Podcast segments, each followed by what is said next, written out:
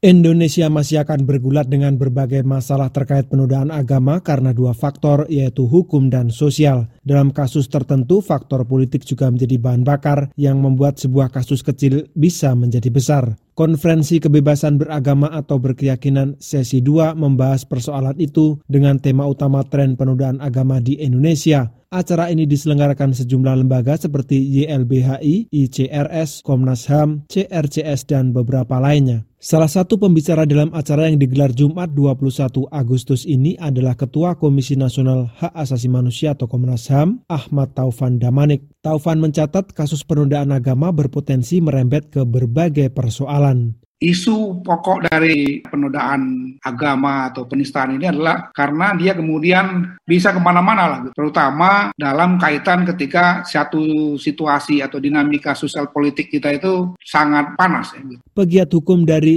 YLBHI Asfinati mengatakan dari berbagai kasus yang ada dapat disimpulkan bahwa di Indonesia penodaan agama dianggap sama dengan penistaan agama. Padahal keduanya adalah konsep yang sama sekali berbeda dan penyeragaman semacam ini tidak bisa dilakukan di dalam hukum pidana. Selain itu penggunaan pasal-pasal juga tidak memiliki batasan jelas. Eh, kemudian terjadi perluasan penggunaan pasal sehingga kemungkinan orang masuk sebagai penoda agama itu menjadi lebih besar. Pastinya tidak ada definisi yang jelas sehingga penegak hukum cenderung dipengaruhi oleh desakan massa atau publik dan bahkan bisa mempidanakan apa saja karena itu YLBHI merekomendasikan perlunya penghapusan pasal penodaan agama di KUHP dan penistaan agama di Undang-Undang Ormas. Harapan Asfinati mungkin terlaksana tetapi kecil kesempatannya karena draft rancangan undang-undang KUHP baru sebenarnya sudah dianggap selesai. Anggota DPR Komisi 3 Taufik Basari dalam konferensi ini menyebut DPR sendiri sampai saat ini belum mengesahkan rancangan undang-undang KUHP yang di dalamnya terdapat sejumlah pasal terkait penodaan agama biasanya dipergunakan untuk kasus-kasus yang akhirnya dikategorikan sebagai penodaan agama. Meskipun dalam beberapa juga ada kasus-kasus yang sebenarnya tidak tepat dimasukkan dengan